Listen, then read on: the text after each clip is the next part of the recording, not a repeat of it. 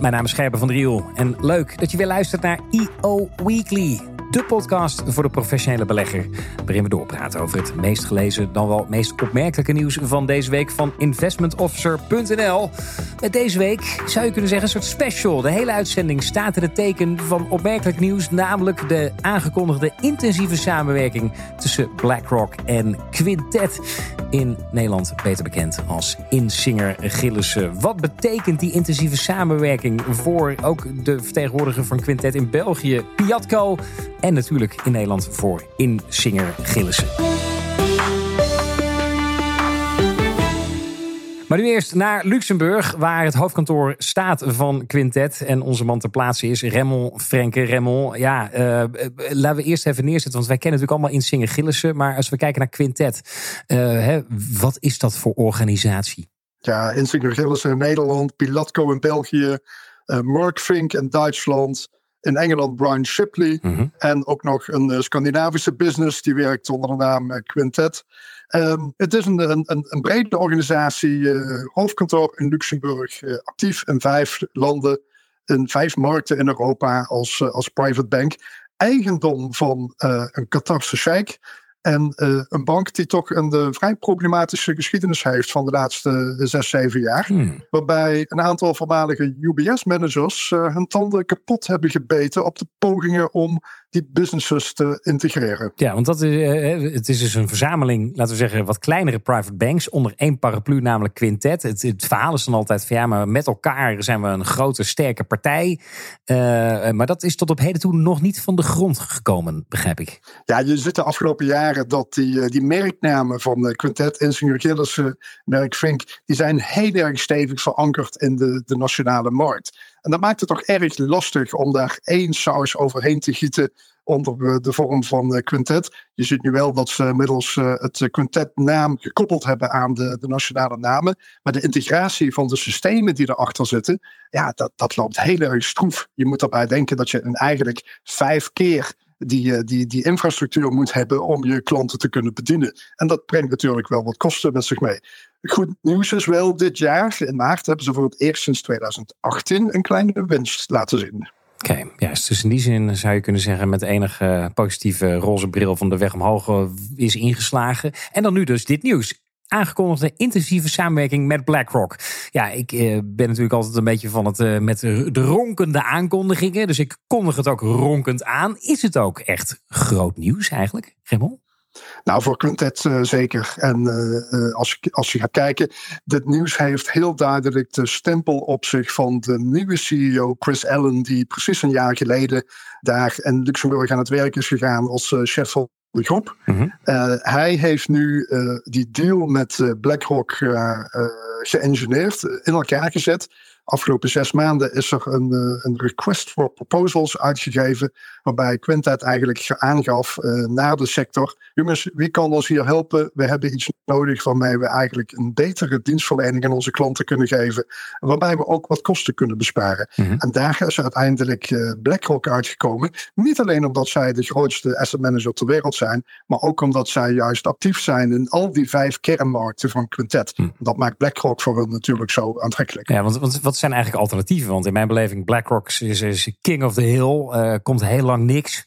En daarna misschien iets anders. Zijn er nog, überhaupt nog andere partijen geweest die een poging gewaagd hebben om uh, Quintet binnen te halen op dit vlak dan, of niet? Dat jij weet? Ja, wat ik begrijp is dat er wel een aantal partijen zijn geweest, maar dat BlackRock er toch wel met, met head and shoulders, met uh, kop en schouders erbovenuit stond. Ja. Uh, om, omdat zij die aansluiting hadden op die nationale markten. En natuurlijk ook al een goede naam hadden.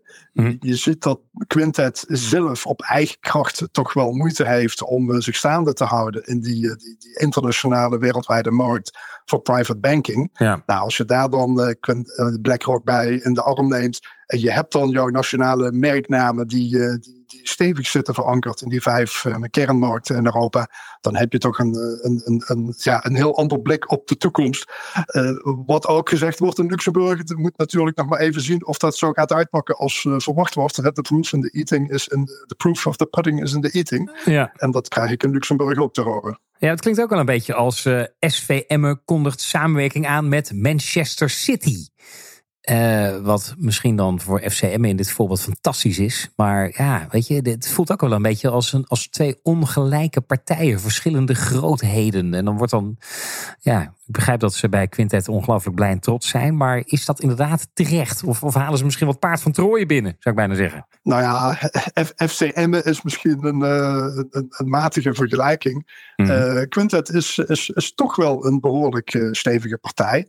Maar je ziet gewoon dat zij ja, als, als, als wereldspeler, als internationale speler, een aantal obstakels hebben die zij, uh, ja, die zij niet alleen kunnen oplossen. Mhm. Waarbij die, die, die integratie binnen de organisatie, ja, dat is toch wel erg lastig als je zo stevig verankerd bent in, in die vijf kernmarkten. Ja. Uh, ja, dus eigenlijk je wil Europees voetbal spelen, maar je hebt in ieder land heb je een, een, een, een, een subtopper zitten. Ja. ja, daarmee kom je nog altijd niet in de finale van de Champions League. Ja, het is ook zo bij quintetten. De afgelopen jaren ging het heel vaak over naar tegenvallende resultaten. Er moeten kosten gedrukt worden, we moeten efficiënter werken. Uh, uh, eerder zijn dit jaar, melden we op investmentofficer.nl, onder andere ook nog 165 mensen de laan uit. Is deze samenwerking met BlackRock, is, is dat dan een stap uit luxe? Of was het ook echt wel een stap uit noodzaak voor quintet? Nou, ik, ik, denk wel degelijk dat het een, een stap uit uh, noodzaak is. Hm. Uh, maar die stap die dan wel genomen wordt, uh, waarbij dan toch heel goed gekeken van ja, wat zijn de verwachtingen voor de komende jaren voor private banking, voor asset management. je hebt dat toch wel, ja, er is ook in Luxemburg sprake van, dat er, ja, er mogelijk toch wel wat consolidatie zit aan te komen. Mhm. En wil je op eigen benen de toekomst in kunnen lopen, ja, dan heb je toch wel wat, wat, wat, wat, versterking nodig op verschillende vlakken. Dus ik denk dat zoals het er nu uitziet, dat Quintet uh, voorlopig nog wel uh, op eigen benen kan blijven staan. Ja. Maar ja, het moet natuurlijk toch even kijken hoe, hoe dat allemaal gaat. Wat in ieder geval wel duidelijk is, die, die absoluut uh, super turbulente periode die ze achter zich hebben liggen, met al die oude UBS-bankers die daar aan de touwtjes zaten te trekken in Luxemburg. Ja, die rust is eigenlijk nu wel heel erg welkom voor de business. En niet alleen voor Luxemburg, ook voor de onderdelen, de vijf markten die eh, Quintet bedient. Mm die rust is toch wel heel belangrijk. En ze hopen natuurlijk ook dat daarmee het, eh, het personeelsverloop wat vooral ook in, uh, in Nederland zichtbaar was bij Insinger Genesis het afgelopen jaar. Ja, dat dat daarmee, dat die onrust een beetje wordt weggenomen. Oké, nou, ik, ik, wil straks graag even met je doorpraten over de trends. Hè, de grote trend waar je net ook al een beetje op hint in de markt. Waar gaat het naartoe? Maar laten we eerst eens kijken hoe inderdaad dit nieuws geland is in België en in Nederland. Wat betekent dat dan voor bijvoorbeeld uh, ja, de loten in België? Uh, daar gaan we het over hebben met uh, Thomas Laurijs, onze man in België. Thomas, goeiedag. Jij hebt gesproken onder andere met ja, de CEO van Piatco, hè, de private bank die onderdeel is van die quintetgroep in België. Ja. ja, hoe is het nieuws daar geland eigenlijk? Je, je, sprak daar de topvrouw. Was die blij, verheugd, optimistisch? Ja, zeer optimistisch. Uh, omdat ze daarmee toch heel, heel, heel grote mate hun beleggingsopties verschoten. Mm -hmm. um, terwijl dat ze, dat ze heel snel een nieuw aanbod ook kunnen uitbrengen, speciaal op maat van klanten. En dat was ook een van die grote elementen waarvan ze zeiden dat ze gekozen hadden voor BlackRock, ja. uh, namelijk de time to market. Stel dat er een, een nieuw beleggingsthema is daar waar ze iets van willen doen, dan is dat een instelling die zeer snel eigenlijk, uh, door al hun ervaring, al hun assets, heel snel kunnen eigenlijk een fonds of een tracker opzetten. Uh, wat dat een enorme snelheid geeft en heel veel opties op vlak van beleggingsmogelijkheden om aan hun klanten aan te bieden natuurlijk. Ja, ja ik, ik las een eh, artikel uit De Tijd van uh, begin dit jaar. Uh, ging over Quintet en uh, Piatco. En de teneur daarvan was een beetje van, nou ja, de samenwerking, hè, onderdeel uitmaken van die quintetgroepen, heeft tot op heden toe nog weinig opgeleverd voor Piatco. Hè. Gaat dit dan de game changer worden voor Piatco? Gaat dit er dan echt voor zorgen dat ze een deuk in een pak boter kunnen gaan slaan in die Belgische private banking markt?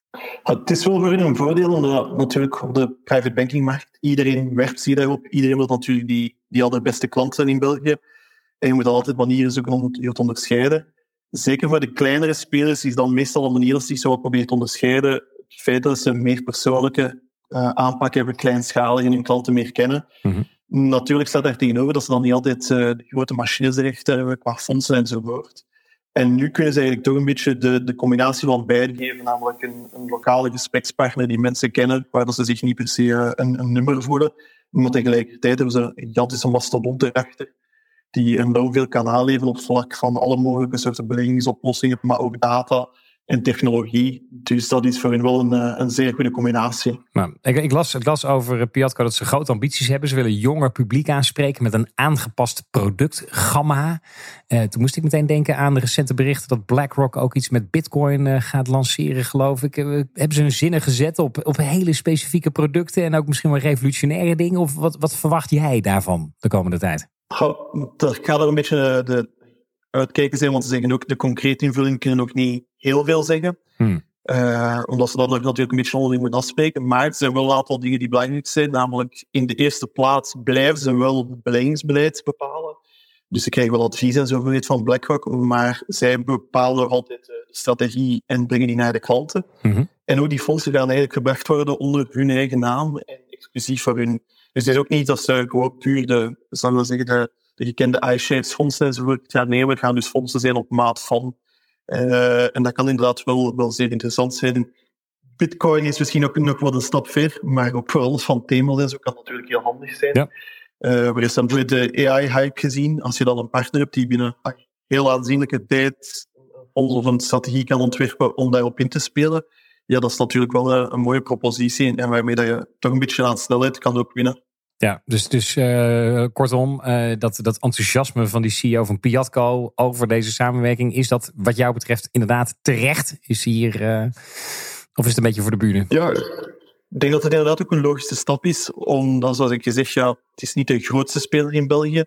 als je dan wil het opboksen tegen nee, iedereen, tegen die grote, middelgrote spelers, tegen de family offices, dan is het wel heel makkelijk dat je zo'n belangrijk deel kan uitspelen aan een absolute topspeler. Ja. Uh, dus daar halen ze toch wel, om het zo te zeggen, heel wat vermogen mee binnen uh, en heel wat kwaliteit en capaciteit mee binnen. Juist, we gaan het uh, verder zien. Dankjewel Thomas voor je toelichting vanuit België. Ja, gaan we naar Nederland. Uh, daar uh, wordt Quintet uh, vertegenwoordigd, zou je kunnen zeggen, door Insinger Gillissen. Um, ook daar spraken wij mee van Investment Officer. Om precies te zijn sprak collega Jorgen Groen met Frank Koster, de CEO, en Marjolein Breeuwer, hoofd Investment and Client Solutions. ja, Jorgen, ik neem ook aan dat ze net als in België bij Insinger bijzonder te spreken zijn over deze nieuwe partnership. Ja, absoluut. Uh, ik, eh, de slingers uh, leken daar wel uit, uh, uit te hangen. Gaat in het plafond van de poppende champagnekurken. Precies, alle private bankers op de tafel. Ja. Nee, alle gekheid op een stokje. Inzingen heeft een moeilijk 2022 achter de rug. Er gebeurde een hoop. Het personeel uh, verliet deels het gebouw met kosten en uh, met de winst. Uh, liep het ook allemaal niet heel voorspoedig. Nu is er in ieder geval weer goed nieuws te vertellen. En daar waren ze ook duidelijk heel mee in hun sas. Dat, dat kon je merken. Jazeker. Het geeft ook heel veel flexibiliteit. Tegelijkertijd kunnen de kosten wat omlaag. Ze kunnen sneller inspringen op ontwikkelingen in de markt. En ze hebben die hele brede waaier nu aan BlackRock producten uh, waarmee ze hun klanten kunnen gaan bedienen. En als ze het niet willen, mogen ze ook nog steeds bij andere partijen andere producten inkopen. Daarin hmm. blijven ze gewoon autonoom. Ja, nee, ik kan me voorstellen dat, want in de beeldvorming ja, zat Insinger toch een beetje in de, in de hoek waar de klappen vielen. Eh, dus en dan om nu dan te kunnen aankondigen dat je gaat samenwerken met toch een absolute winnaar, zullen we maar zeggen, BlackRock. Dat doet het moreel ongetwijfeld goed. Dat doet het moreel zeker goed. Tegelijkertijd uh, ging er in ieder geval bij ons op de redactie gelijk de gedachte uit naar 2019 toen BlackRock uh, met Rabobank eigenlijk een identiek partnership afsloot. Ja, want dat is natuurlijk wel iets. Hè. Ik, we hadden net met Thomas eh, eh, in België over. Nou, dat is dan in de markt een, een, soort USP, als je kan zeggen, als kleine private bank. Ik werk samen met het grote BlackRock. Maar in Nederland is het dus geen USP, want de Rabo doet het al. Ja, in Nederland zijn er nu twee partijen die eigenlijk kunnen zeggen: wij werken samen met BlackRock. Uh, dat doen we op een vrij intensief hm. en strategisch niveau. En als je de deals naast elkaar legt, dan zie je eigenlijk ook niet heel veel verschillen. Ze doen eigenlijk hetzelfde. En heeft het eigenlijk, want Rabo doet dit al sinds 2019. Heeft dat, heeft dat eigenlijk iets in de markt gedaan, voor zover je kan overzien? Dat de Rabo sinds dat ze met BlackRock samenwerken, nou, in de, naar buiten uit ook echt uh, meer successen boekt? Of is het meer vooral een, ja, ik zou bijna zeggen, een interne aangelegenheid? Dat je, dat je als Rabobank en dan nu dus ook als Insinger slash Quintet, ja, gewoon processen meer stroomlijnt, maar dat het niet zozeer iets, iets is wat klanten trekt. Hoe, hoe, hoe, heeft die deal uitgewerkt? Ik denk niet zozeer dat klanten daar heel veel van gemerkt hebben, als wel dat Rabobank uh, daardoor flink op de kosten heeft kunnen besparen en ook uiteindelijk veel efficiënter is kunnen gaan opereren in het hele beleggingsbeleid. Ja, en, en dat is, is dus nu ook wat het vooral Quintet gaat opleveren. Want als je, als je kijkt naar de uitingen voelt het enerzijds een beetje als, nou, als een soort van offensieve stap. We slaan de handen in de neem met BlackRock en uh, we gaan een super innovatief worden. En we kunnen van alles nog wat bieden. Dat klinkt heel offensief. Maar als ik jou dan zou beluisteren nu, dan is het in werkelijkheid het motief vooral, ja, ik zou bijna zeggen misschien defensief. In de zin van, joh, aan de achterkant kunnen we gewoon dingen stroomlijnen, uh, efficiënter inrichten, kosten besparen.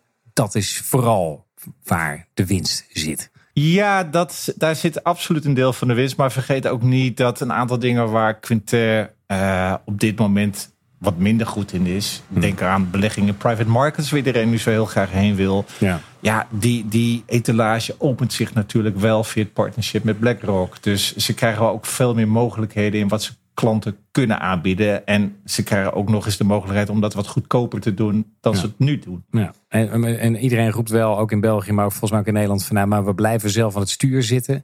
Is dat ook echt zo? Want ik bedoel, ik, ik heb eerder al de, vergelijking geroepen. Het is een beetje alsof FCM aankondigt. We gaan met Manchester City samenwerken. Ja, dan heb ik toch een beetje het idee dat het.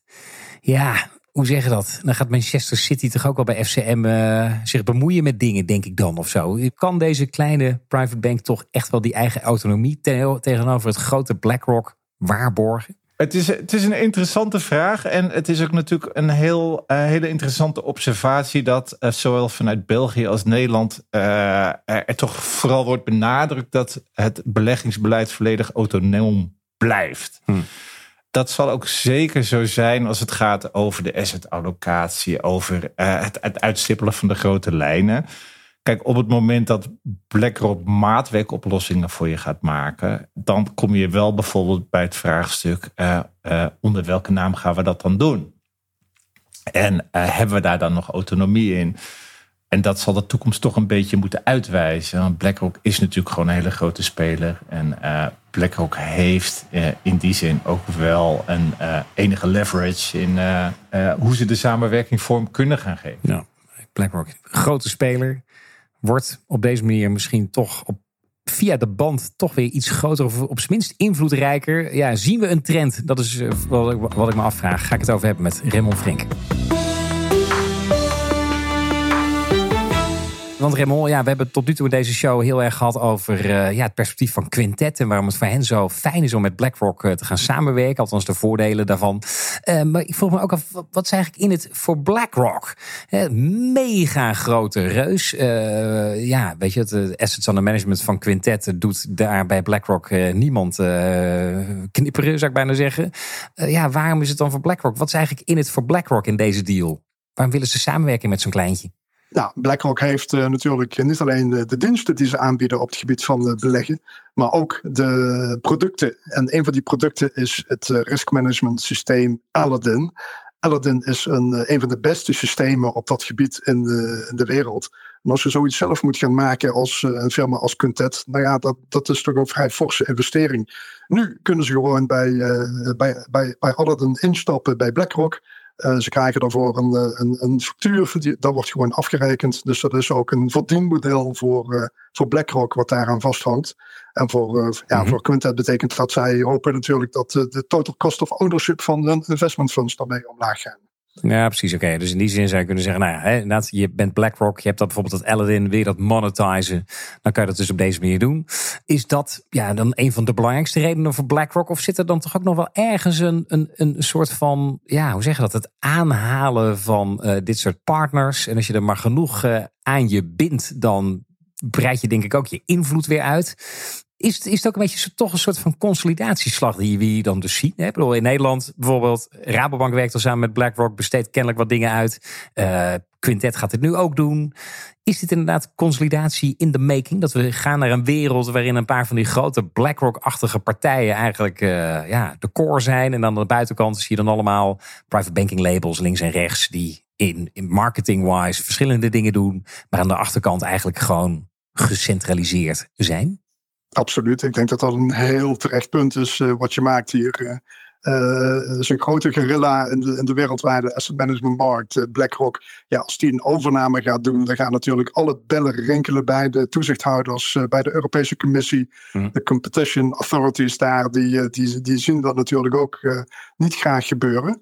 Maar via een achterdeur kan, kan BlackRock op deze manier toch bouwen aan ja, het versterken van hun aanwezigheid in die markten. Hm. Het zou overigens wel een eh, interessante vraag zijn voor die toezichthouders: van uh, ja, wat vinden jullie daarvan? Ja. Maar in de praktijk zullen zij natuurlijk zeggen: van ja, nee, het is gewoon een klant. Uh, een klantenrelatie. Het heeft absoluut niks met consolidatie te maken. Maar we weten natuurlijk allebei al heel goed dat we al jarenlang praten over consolidatie in de sector, die maar niet echt komt.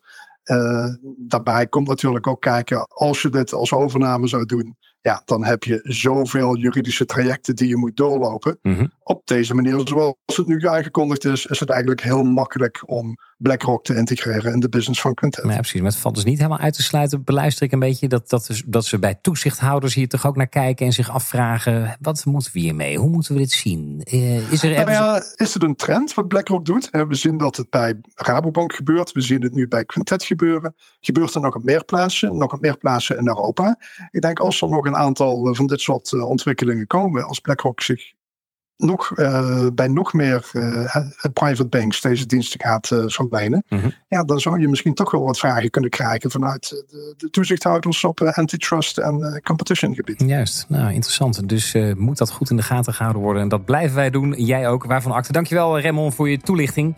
Tot zover deze EO Weekly. hou sowieso natuurlijk investmentofficer.nl in de gaten en wij spreken elkaar dan volgende week niet. Want IO Weekly gaat er tot de week van 15 augustus even tussenuit met zomerstop. Ik wens u een mooie zomer. Heel graag tot na 15 augustus. Deze podcast is mede mogelijk gemaakt door State Street Spider ETF's, aanbieder van de meest liquide ETF ter wereld.